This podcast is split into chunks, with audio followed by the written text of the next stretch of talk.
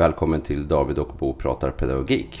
Idag är det David som är här och eh, ska prata med Anna Sjölund och Ann Lindgren om eh, kollegial handledning.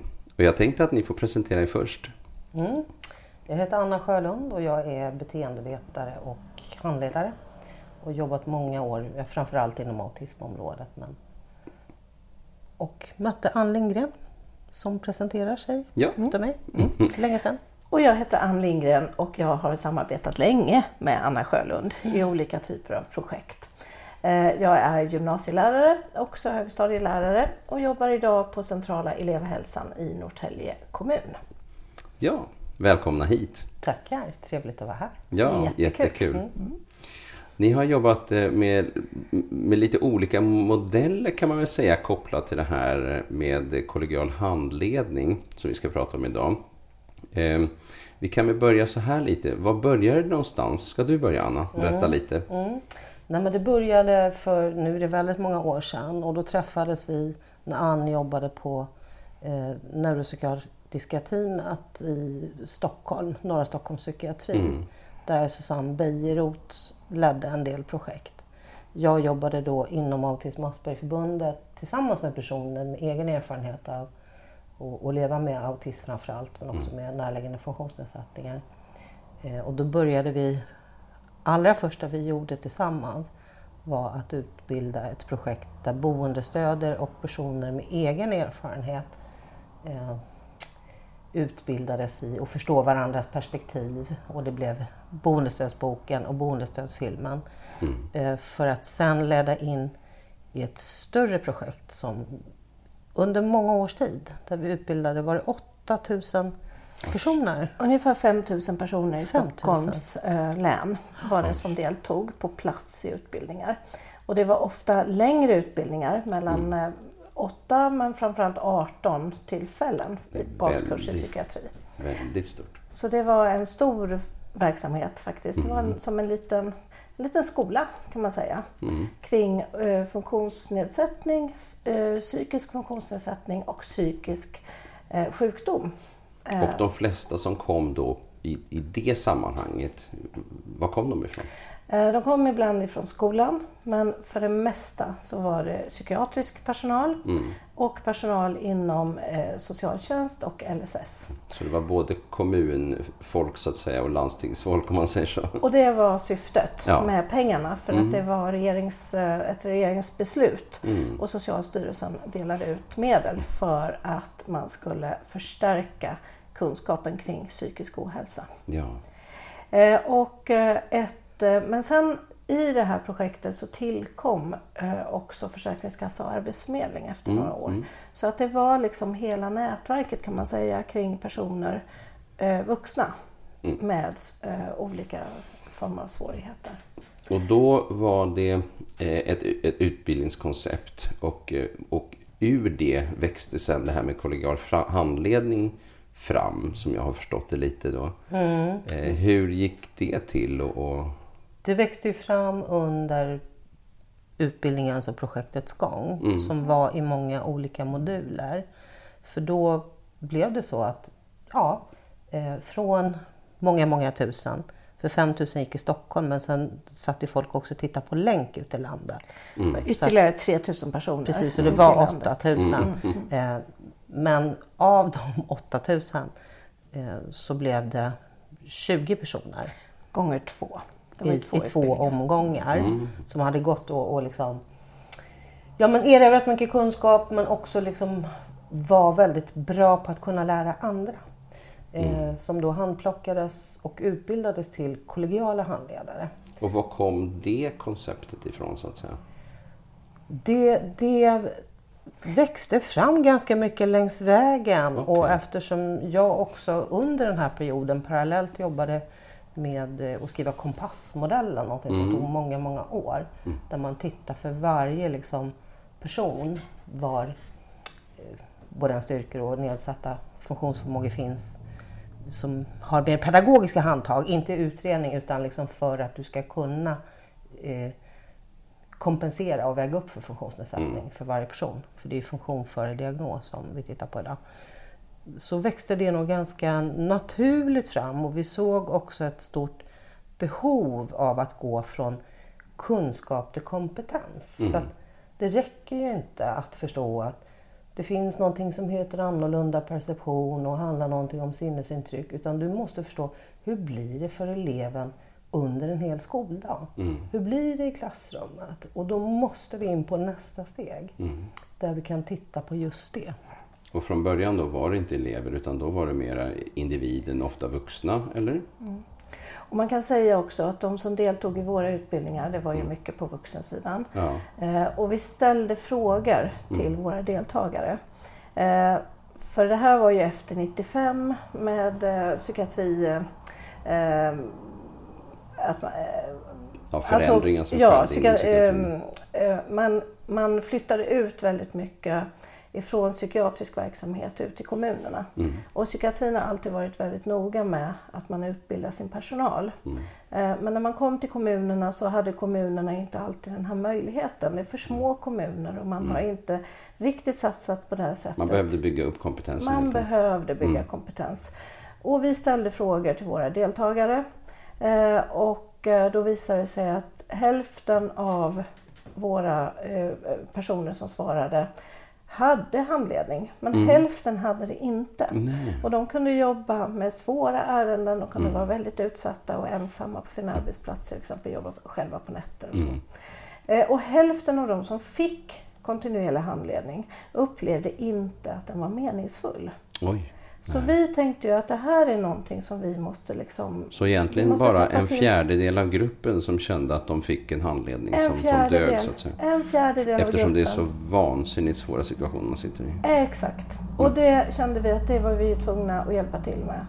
Och då hade vi den här gruppen som gick våra utbildningar, som hade gått under flera år, hade gått Mm. olika typer av utbildningar, som vi mötte och som vi tyckte att det här är personer som vi kan liksom bygga vidare på. Mm. Sprida att det blir från kunskap, precis som Anna sa, Mm. till kompetens ut i verksamheterna. Mm. Hur ska vi sprida de här synsätten och de här metoderna och arbetssätten ut i verksamheterna? Det. Och det blev de här kollegiala handledarna Mm. som fick den Du ser att ditt hår kommer lite på micken där, så du drar bak det lite sådär ja. Så. Just då förstår jag själva utgångspunkten. Och då när ni, eh, då jobbade man så att säga eh, mycket med vuxna och det var mycket socialpsykiatri och ute i verksamheten och kommunerna och lite så blandat. Eh, Så då växte själva handledningsmodellen fram ur detta. Och så, men så småningom har den här då kommit mera in till skolan. Var det som ett färdigt paket då så att säga? Fixt och färdigt eller blev det någonting annat man gjorde sen när den kom in i skolans värld? Alltså det fanns ju en väldigt tydlig ram Ja, och med väldigt fina utvärderingar. Det fick som ni hade jobbat väldigt- fram då. Precis. Vi, vi, 4,8 eller Ja, ja, 5. Mm. Vi utvärderade både deltagarna som Mm. gick på våra två kurser Just och sen så, så årslång utbildning var det. Så Mm. det var ja, omfattande stora utbildningar. Men sen så de som var med i, eh, som fick träningshandledning, alltså fick handledning av våra, eh, vår personal som gick i utbildning.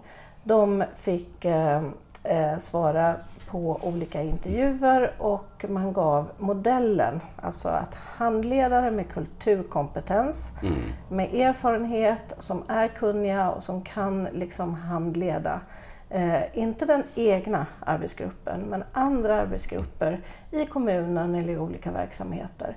Eh, de fick betyget 4,48 på en femgradig skala. Mm. Och det tyckte vi var fina resultat. Ja, väldigt. Men att betyder det också att ni fick eh, information som gjorde att ni skruvade lite på modellen så att den utvecklades allt eftersom då på något sätt, eller?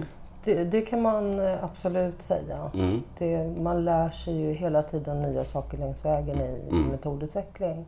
Eh, Men vi hade också en tanke tidigt när vi jobbade med ärendehandledare, ja, men mer inom LSS och socialtjänst, att tänk om vi kunde göra det här för skolan. Mm. Det här behövs i skolans värld. Eh, För då hade det redan börjat vara väldigt höga siffror kring eh, ja, men hemmasittare. Mm. Kraven har blivit högre. Och tänkte att det här, om fler kan förstå hur man kan faktiskt väga upp för funktionsnedsättning. För det är det vi menar när vi säger att man har kompetens. Ja. Det är att man faktiskt förstår hur man ska göra. Mm. Hur kan vi anpassa då både miljön och kommunikationen och bemötandet så att det inte blir ett funktionshinder. För det är det som är definitionen av funktionsnedsättning, funktionshinder. Eh, och där hade jag, parallellt med att det här hände, för jag har jobbat mycket med handledning i många år, en, en grupp som var lite grann av spjutspetsar faktiskt i Mm. skolan. Och det var Vasaskolan i Danderyd. Mm. Och de hade jag handlett tror jag när, när det här startade i kanske fem sex år. Jag hade följt dem länge. Och de blev intresserade för att Cognus var ju stort och brett. Och, och Cognus sa du nu, vad, är det för, vad var det för någonting? Cognus var det här stora projektet som vi ledde. Mm. Som utmynnade i kollegial handledning när det var mer mot baspersonal inom LSS socialtjänst. Men Kajsa, Jan och Malin Reuterswärd Mm. som då eh, jobbade i Vasaskolan kom faktiskt redan när vi hade den här Cognusutbildningen på våra avslutande träffar med de kollegiala handledarna Mm. för att de själva var så intresserade. Och det var på det sättet som ni så småningom landade i att göra det som sen kommer kallas Danderydsmodellen som byggde på det här med Precis. kollegial handledning. Då sökte vi gemensamt då med, med Danderyd och Vasaskolan. Mm. Så sökte vi medel av Specialpedagogiska skolmyndigheten, Mm. SPSM, SIS-medel.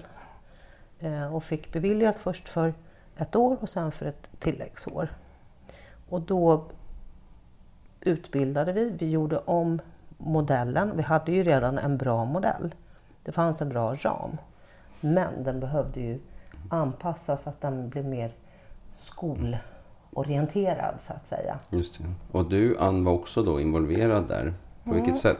Ja, jag var ju projektledare för Mm. Danderydsmodellen och Mm. Anna handledde i Ja. projektet. Mm. Men det är ju någonting, det är ju ett gemensamt arbete Ja. så att vi har ju haft mycket tät kontakt med de personerna som gick utbildningen i Danderyd. Och vi eh, märkte ju ganska snart i ehm, ehm, när vi skulle utbilda de kollegiala handledarna att det finns mycket material kring lågaff- lågaffektivt bemötande. Mm, mm. Men eh, en annan byggsten som är väldigt viktig det är den tydliggörande pedagogiken. Mm. Och där fanns det ingenting skrivet. Ja. Så vi började ju skriva på en bok och Mm. kontaktade ett förlag och fick den här Mm. boken utgiven. Boken som heter Autism och ADHD i skolan. ja, handbok i Kom tydliggörande ut sen. pedagogik. Just det, precis. Jag har den som undertitel. Mm. Eh, när, den, när, ni sen, när ni tog den här, vi kanske ska gå igenom den då lite grann, själva eh, modellen som har några olika steg. Hur, kan ni berätta någonting om den? Syftet är med hela handledningsmodellen det är att ku- kunskap räcker inte. Man Nej. måste ha kompetens. Och kompetens är det man gör i det dagliga arbetet. Mm. Och det måste märkas en skillnad för eleven. Mm. Det är den stora, det är den stora vinsten med kollegial handledning. För att det är processer från kunskap och hur ska man göra så att det märks skillnad för eleven.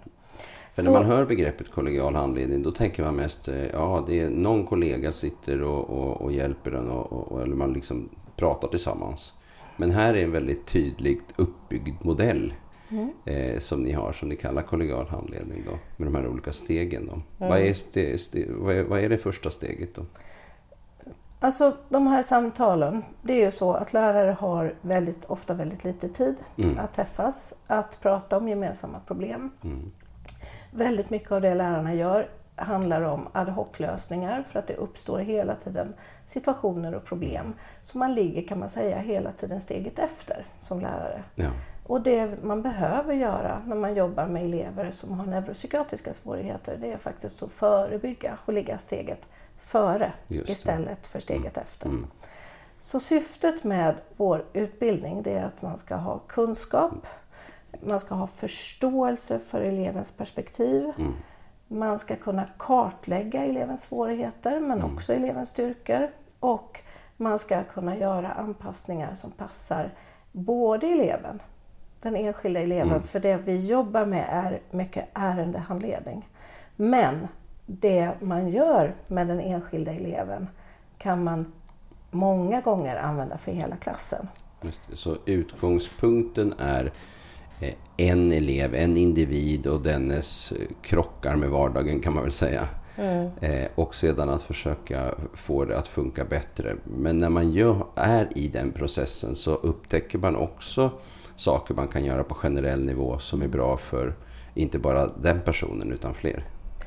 Eller och alla. Ja, och det blev så tydligt under processen hur det växte fram. Mm. Från att starta med ärendehandledning, titta på en elev mm. strukturerat och här använder vi funktionskartläggningen i skolkompassen. Mm. Så de kollegiala ärendehandledarna gick ut till kollegor, alltså mm. som jobbar i så kallade vanliga klasser, mm. inte små specifika klasser.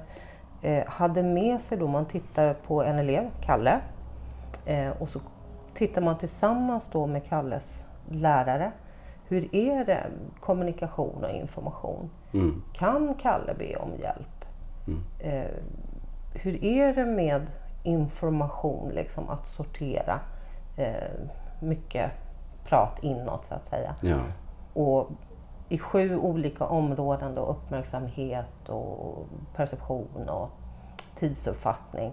Och här handlar det någonting spännande för lärare som först hade en bild kanske att Kalle inte var motiverad, mm. att Kalle ja, kanske nästan var lite ouppfostrad. Mm. Fick ju syn på, herregud, det här måste ju vara med alla de här nedsatta funktionsförmågorna enormt svårt när jag har en lång muntlig instruktion eller Mm. Eh, eller att sitta vid fönstret och bli avledd hela tiden av det som händer utanför. Mm. Och då var det nästan som att det ramlade ner förståelsepaletter. Man såg det i ett nytt ljus. Det handlar inte om att han inte vill utan han inte kan. Nej, så kartläggningsfrågan är en extremt viktig del utav eh, Oerhört den här viktig modellen. del. Jätteviktig del. Men det vi såg också, det var ju också den tidspress som många lärare ja, man upplever där ute idag. Mm. Att det är väldigt svårt att hinna göra. Eh, för det finns många elever i varje klassrum som mm.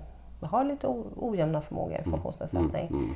Mm. Eh, och där så börjar vi se det här behovet av generella anpassningar. Och så började ju autism och ADHD i skolan att växa fram i projektet. Mm. Från det individuella till det generella.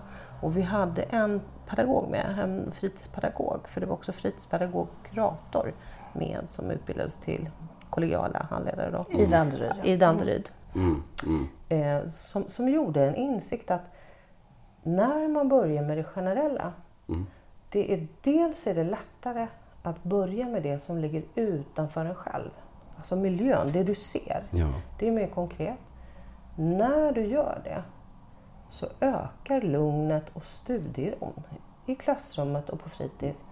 Och då får du som är pedagog ett litet utrymme kvar att ta nästa steg. Mm. Så att börja med det generella skapar utrymme för att gå över till det individuella. Mm.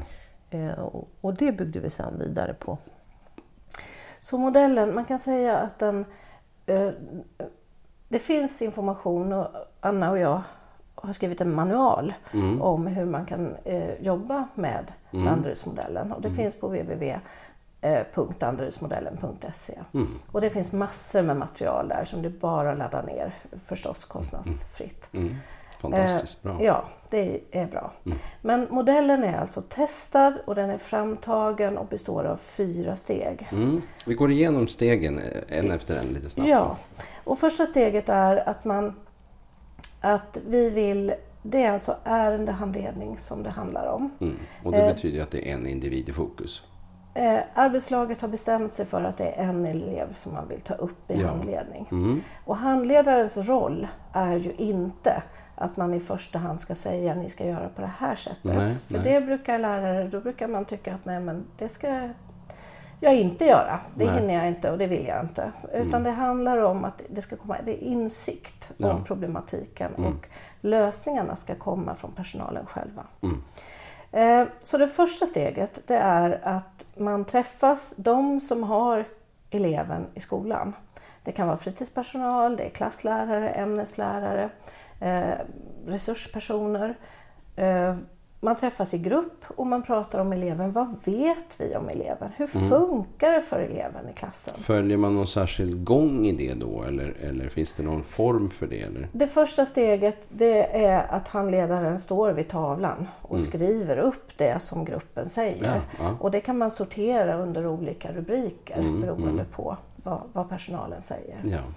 Eh, I det steget så handlar det om att vi vill ha en neutral beskrivning om situationen i skolan. Mm. Vi, beskrivs en elev till exempel som lat Mm.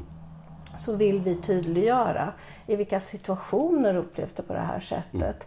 Med vem, när, eh, hur upplevs det? Så att man istället för att ge en benämning som är lat kan beskriva neutralt ett beteende som eleven har. Och det var ju det som som var så bra då med kartläggningsbladen för då kom man förbi det steget direkt. Mm. Och det första steget pratade vi om och kallade för att eh, sortera och problemformulera. Mm. Precis. Så det, det, det här första steget det leder till en problemformulering. Mm. Vad är det man vill ha hjälp med i handledningen? Vad ska de kommande tillfällena handla om? Och vilket, vilket, vad är det vi vill lösa för problem tillsammans? Nästa steg är att vi använder kartläggningsmaterialet i skolkompassen. Mm. Mm. Mm, och det består ju av sju olika områden för vanliga förekommande funktionsnedsättningar. Mm. Och det här är ett helt fantastiskt material som gör att personalen får insikt i, oj, det är så här det blir för eleven. Mm. De här svårigheterna har eleven. Så man sitter och samtalar, man gör tillsammans det här kartläggningsmaterialet och lärarna och resurspersonerna får, kring eleven får möjlighet att prata. Nej men så här funkar det på mina lektioner. Nej men det här ser jag på rasterna. Så att man når en konsensus. Vad är det som är svårt? Och då jämför man den elev, eleven som man pratar om med andra elever i samma års, eh, i samma års Men årsgång. och eh, eleven själv då? Involveras eleven i den här processen? Inte i själva handledningsprocessen utan det finns en parallell process där man också kan intervjua eleven. Och då är det någonting som personalen gör typ mellan man träffas eller mellan gången eller vad ska man säga? Ja, Precis. och komplettera, Och liksom, komplettera den bild som, som personalen. För eh, kompassböckerna har ju då just den här möjligheten, eller det finns material för att just eh, hjälpa pedagogisk personal att föra de här samtalen. Precis, det finns elevens navigeringshjälp Mm. och det är gratis att, att ladda ner. Mm. Och det finns också på danderydsmodellen.se så ligger det också ligger som en bilaga. Och sen finns det också material till boken. Autism och ADHD i skolan. Mm, Ja. Och det På ligger Naturkultur. på Naturkulturs Mm, hemsida det. som man kan ladda ner. Okej, så det var eh, ettan och tvåan är den här kartläggningen, eh, steg två. Mm. Och sen? Och steg tre, för då börjar man, när man tittar på svårigheterna Mm. som eleverna har, man får liksom en vändning i handledningen. Mm. Från att det är ett problem och det är jobbigt till att man, wow, vi vill faktiskt att det ska bli bra för den här eleven Mm. och vi ska gemensamt hitta lösningar.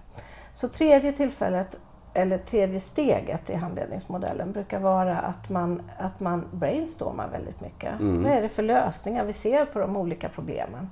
Och hur ska vi hitta lösningar gemensamt? Och det är handledarens roll att sortera i det som tas fram och liksom leda, eh, leda diskussionerna vidare så Ja. att man hittar lösningar som passar för den enskilda eleven. Mm, mm, Och det fjärde steget är att man eh, träffas och bestämmer vilka lösningar bestämmer vi oss för och vem ska göra vilka eh, anpassningar sakerna, eh, eller lösningar Ja, och mm. i, i vilken ordning och hur. Mm, och så. mm. Och på det här sättet så blir det ju, precis som Anna sa nyss, att man ser individuella behov och hur vi täpper till dem. Men när man tittar på en elev så ser man också vilka svårigheter andra elever har i klassen. Så det blir en massa, det blir lite Mm. Det blir ringar på parallell- vattnet. Det blir lite parallellprocesser kan Mm. man nästan kalla det för. Att lärarna kommer till insikt om vad det är man faktiskt kan göra för att göra skillnad i klassrummet. Mm, mm. Så det här är liksom en process från kunskap om neuropsykiatrisk funktionsnedsättning, hur man ska jobba med eleverna, till att man faktiskt gör det och att det blir en skillnad för eleverna i klassrummet. Mm. Egentligen kan man nästan säga att det handlar om att de kollegiala handledarna hjälper eh, att förstå varför det blir svårt för eleven. vad som är svårt för eleverna Mm. och hur man kan hitta lösningar för det. Mm. Eller hur? Exakt. Varför vad? Hur? Mm. Mm. Och vi, vi använder oss i handledningen, de kollegiala handledarna utbildas i att handleda enligt modellen Mm. eh, och också att inte komma med fixa lösningar för lärare är väldigt snabba på lösningar. Mm. Och eh, vi vill inte att det ska bli fel lösningar för eleverna utan Just det ska det. bli rätt insatser för eleverna.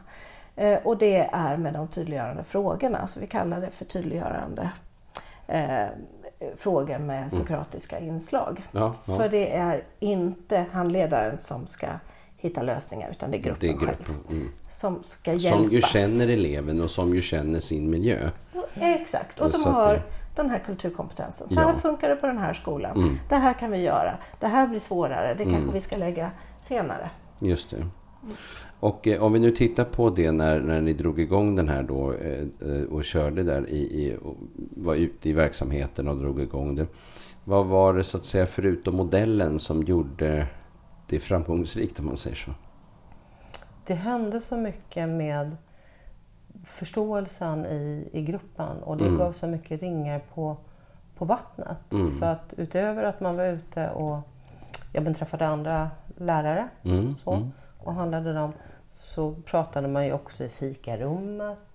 Eh, man ordnade lite små workshops. Så man kan säga att kompetensen ökade ju i, hela Vasaskolan eh, och i skolor runt omkring. Så att det blev en lärande, orga, en blev- lärande organisation Ja, helt enkelt. och till slut växte det då så att det blev flera som involverades. Det, det började vid Vasaskolan och sen blev det flera. Mm. För de som utbildades till kollegiala handledare, de utbildade ju på Vasaskolan, inte de egna arbetsgrupperna, men framförallt ute i kommunen. Ja, Så att vi får ju, resultatet blir ju faktiskt att det blir en mer tillgänglig skola och den blir också mer likvärdig. mm, Eftersom skolor är så olika. I, eh, man har som rektor en, en stor möjlighet i Sverige att forma sin egen verksamhet. Mm.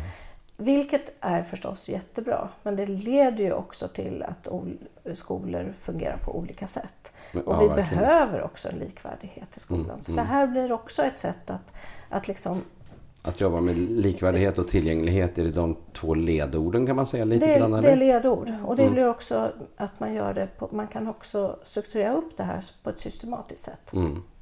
Om man tittar på de organisatoriska förutsättningarna, vad är det så att säga som, som är viktigt där? Jag vet ju att du jobbar nu i Norrtälje med att eh, jobba igenom en kompetenshöjande insats liksom för hela kommunen på olika, och då är det olika delar där då Ann, som ni jobbar med. Men vad, om man tittar, vad är det för viktiga förutsättningar om man pratar rent generellt? För att man ska liksom få till det. Ja, man måste ju, lärare måste ha tid. Mm. Det är ju den här tiden som man oftast inte Och lägger. hur gick det då? Jag menar, lärare har inte tid. Hur, hur fick man loss tid? Man får ju göra sig tid. Mm. Eh, och i, eh, i eh, Norrtälje har man beslutat att det finns medel från eh, statliga medel som heter likvärdig skola. Mm. Och det har man bestämt att man ska satsa Man en del av de medlen. för, för det här. Så i Norrtälje kommun så kommer vi nu att utbilda, vi håller på att utbilda ungefär eh, 25-tal eh, kollegiala handledare. Ja, okej. Från års, eh, förskoleklass till Mm. årskurs 9. Mm. Så det är i skolan, Just det, i grundskolan. i grundskolan. Mm. Och det är ungefär 5 000 elever i, Mm. hela, i hela kommunen. Just Så det. det är en ganska stor verksamhet. Men vi tänker att vi ska ha ungefär en handledare för 200 elever. Mm. Och det är i första hand inte meningen att man ska handleda den egna arbetsgruppen utan andra. Ja, så att man också kan liksom åka mellan skolor. Och, Då kan man säga att det finns det lite grann utav en poäng i att eh, det, för det, jag tänker på samtal, eh, vanliga samtal kollegor emellan när man har det jobbigt.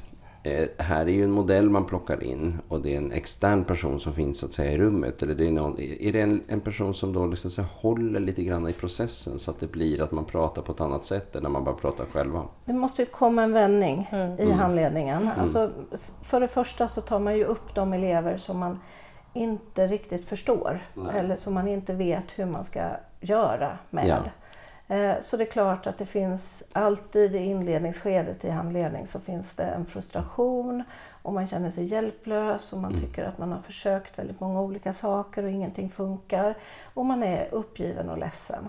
Och det där är ju någonting som man måste bli bekräftad i att det faktiskt är jobbigt. Mm, För det är jobbigt att vara lärare. Vi har Mm. jättestora krav på lärare idag. Det finns enorma behov ute Mm. i klassrummen. Men det får ju inte bara bli kaféprat och att man sitter och bek- beklagar sig. Nej. Utan någonstans måste vi också vända handledningen från det bekräftande till att vi faktiskt, att det blir verkstad. Det Mm. måste bli en skillnad. Just det. Mm. Eh, Och det är det som handledningen gör och det Mm. här är processer. Det är ingenting som vi kan från en dag till en annan göra utan det är lång. Det är, vissa saker går jättesnabbt och Mm. man ser skillnad direkt. Mm. Eh, Och vissa saker tar mycket längre tid och Just det, det. måste också få göra, göra det. Mm. Mm. Mm. Och rent konkret kan man ju säga att våra ärendehandledare som vi utbildade då eh, upptäckte att ganska ofta är det så att när vi kommer och möter gruppen så jag tycker det finns ett bra ord i handledning, containing, nästan att du packar en container full. Ja. Så att första kvarten Mm. så är det så bra att vi har fått utbilda oss i att, hur man är aktivt lyssnande, Mm. hur man validerar. För först behöver de plocka ut det som ligger över för att sen kunna gå in på det här som handlar om ärende och metodhandledning. Mm. Mm. Eh, och då, då blir det en bra och effektiv handledning.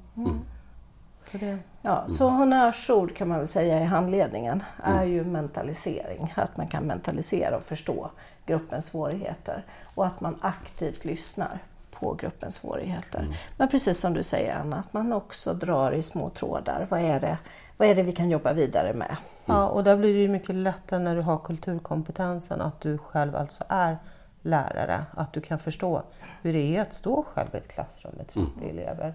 Hur det är i korridorer, allting som, ja, men som faktiskt liksom ingår i lärarens vardag. Mm.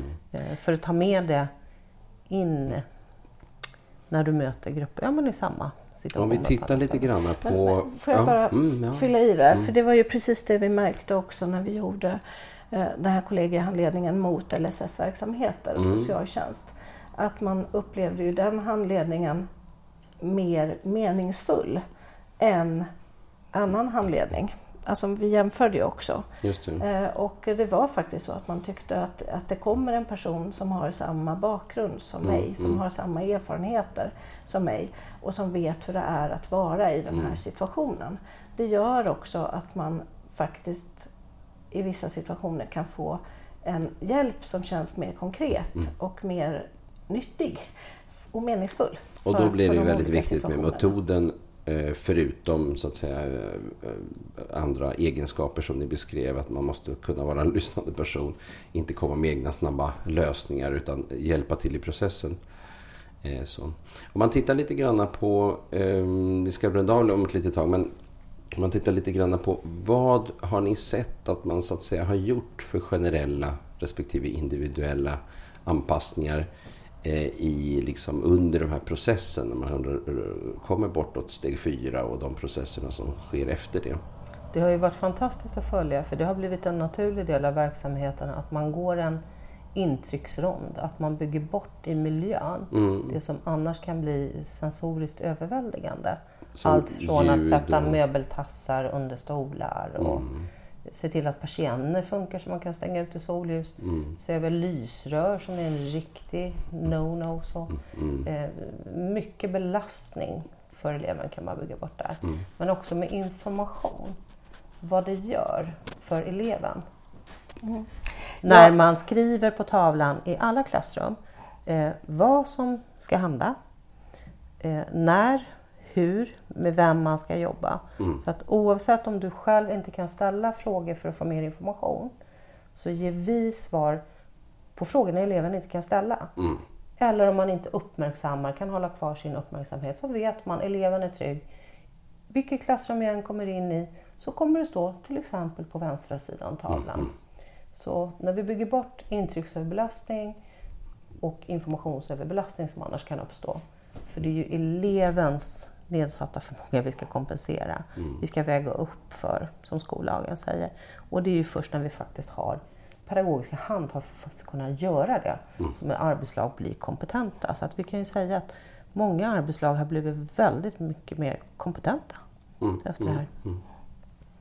Och då blir det skol... Och det är också deltagare, det är helt rätt Anna, och det är också deltagare som har sagt att men det här är ju skol, skolutveckling på riktigt. Ja, mm. Det är nu det blir skolutveckling. Så att ärendehandledningen är så otroligt mycket mer effektiv än om man bara skulle prata om kognitiva eller neuropsykiatriska Ja, funktionsnedsättningar. för om man bara pratar övergripande så kommer man liksom inte ner till det konkreta och det blir svårt att hitta de riktiga exemplen. Och då kan man heller inte förstå elevens perspektiv. Man Nej. måste utgå ifrån vad är det eleven tänker, känner, upplever. Vi måste förstå det för att kunna göra rätt Eller hur blir det för eleven att sitta där när jag håller en lång muntlig genomgång? Mm. Solen lyser in starkt, det är maj. Det är mycket fåglar, jag öppnar fönstret, det är mycket ljud utifrån. Mm. Eleven kommer inte höra någonting. Mm. Det är först när man förstår hur en skoldag upplevs av eleven själv som man faktiskt kan anpassa. Fint. Vi mm. kanske ska runda av med de fina orden. Stort tack för att ni kom. Mm. Tack, tack så jättemycket. För att vi ja, tack. tack så mycket. Tackar, tackar.